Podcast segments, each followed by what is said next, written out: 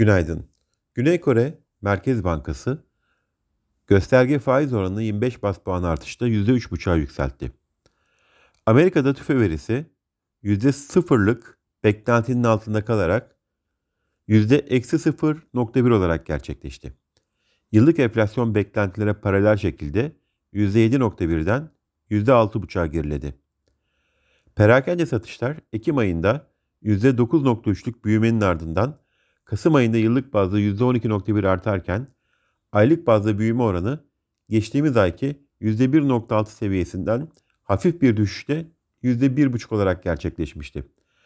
Kasım ayında dış ticaret haddi 78.8 ile 11 ayın en yüksek seviyesinde gerçekleşirken geçen yılın aynı dönemine göre 2.8 puan, 2020 Kasım ayına göre ise 17.4 puan geriledi. Bugün yurt içinde piyasa katılımcılar anketi yayınlanacak. Yurt dışında Euro bölgesi sanayi üretimi izlenecek. Bu sabah Asya endeksleri karışık bir görünüm sergilerken Amerika'da vadeli endeksler hafif satıcılı işlem görüyor. Borsa İstanbul'da hafif alıcılı bir başlangıç öngörüyoruz. İyi günler, bereketli kazançlar.